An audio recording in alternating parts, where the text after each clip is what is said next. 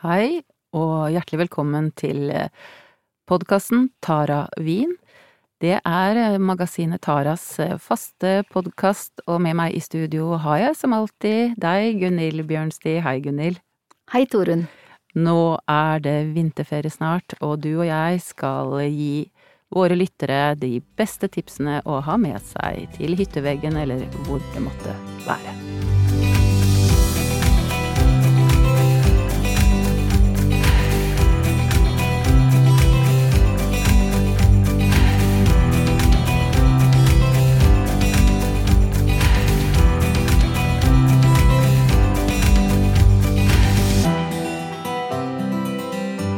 Vinterferie, Gunhild, det er jo en ferie som kommer med litt av lyset, og som gir deg den eh, pausen før du skal begynne å vente på påskeferie.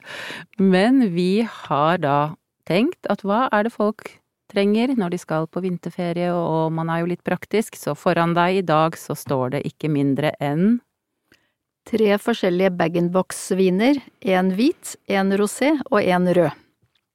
Kan ikke du si litt om dette som et eh, produkt? Hva er det med Er det et eh, Altså dette med bag-in-box, er det økende, eller er det bedre enn sitt rykte, eller har det ikke noe dårlig rykte?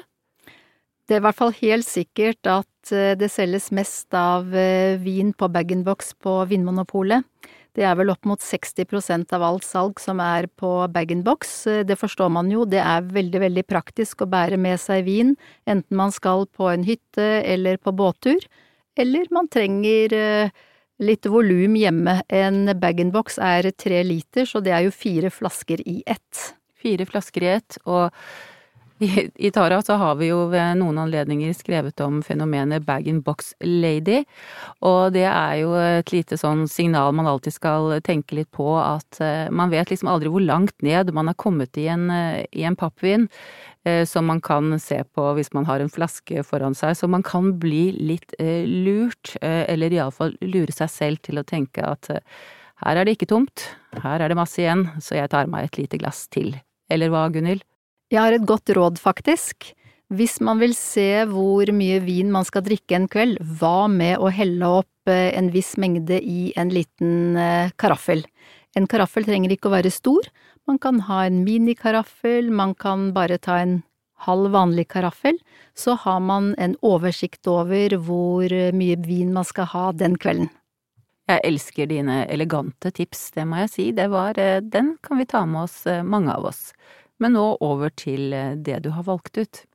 Vin har jo blitt en eh, livsstilsdrikk, det smaker veldig godt, og det er jo de eh, lysere vinstilene som er populære.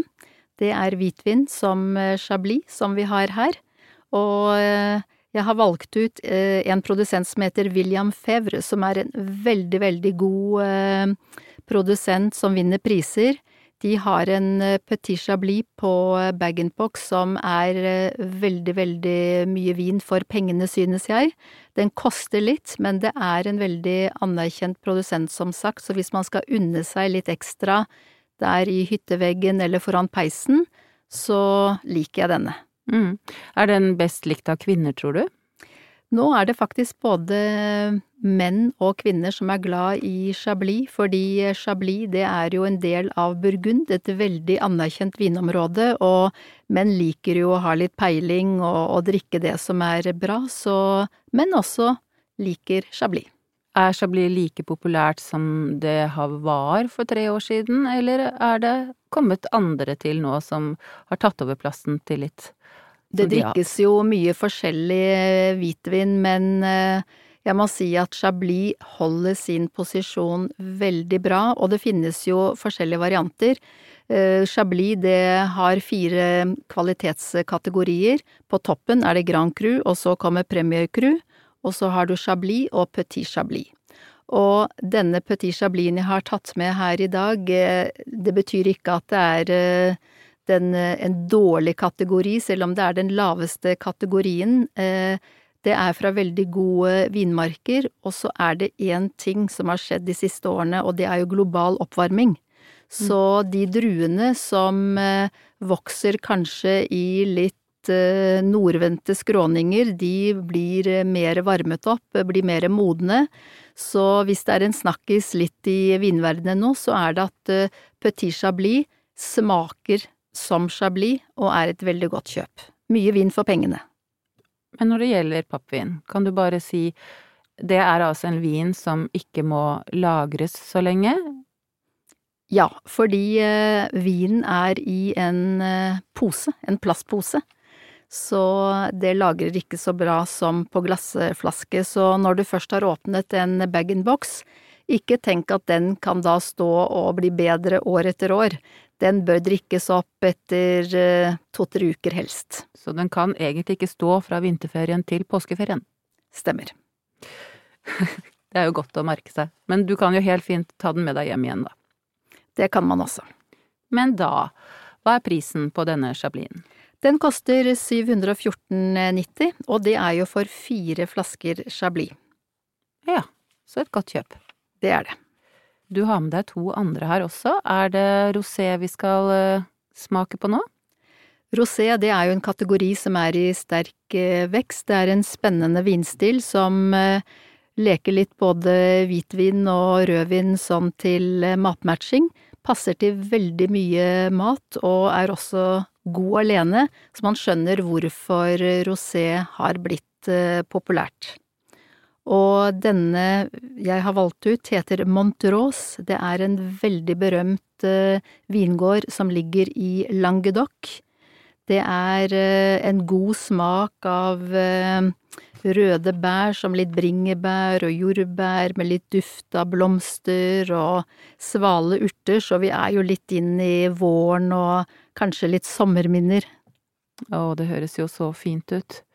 Men Hvorfor har du valgt ut akkurat den? Fordi at det er en eh, anerkjent eh, produsent som man vet alltid leverer på kvalitet, så eh, det er en liten favoritt. Så her har vi gode valg for hytteveggen, for fine kvelder, men i vinterferien så spiser vi jo helt sikkert en del kjøtt, gode retter hjemme inne i hytta når skituren er unnagjort, og det er tid for å innta da et eh, deilig måltid, en god middag, og vi kan vel nesten bare tenke oss hvordan det er inne i hytta da. Vi har dekket på, og det er rødt som mangler. Hva er det du har å anbefale?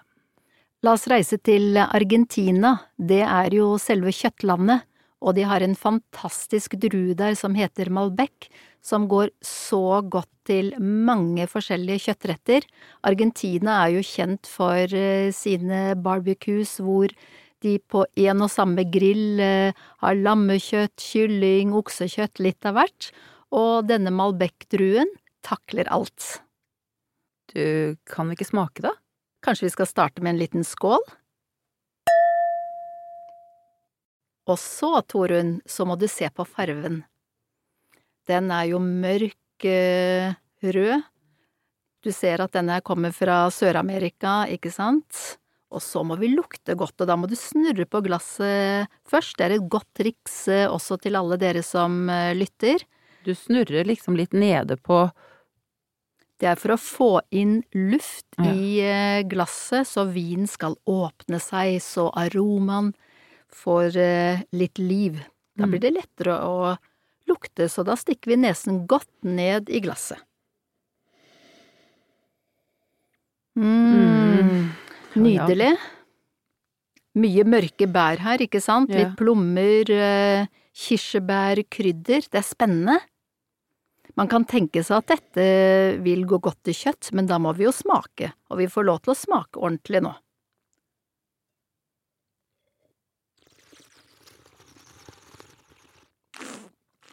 Der var den der vislingen din igjen. Mm. Herregud.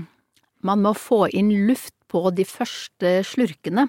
Altså for... du visler mellom tennene? Ja, fordi når du får litt ordentlig luft inn på de første sippene, så fordeler du eh, vinen godt i munnhulen, og da kjenner du det på en helt annen måte enn om du tar bare et sånt høflig lite nipp.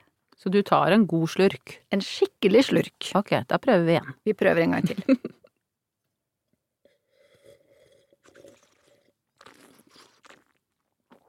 Man kan tenke at man nesten tygger vinen, og det er lov til å le.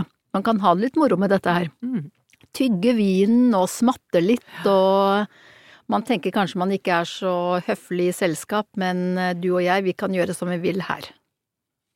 Den her var god, Gunnhild. Den er eh, kraftig som du kjenner, så når det blåser rundt hytteveggene og man skal ha noe kraftig kjøtt, denne vinen blir ikke skremt. Da blir det litt argentinsk stemning.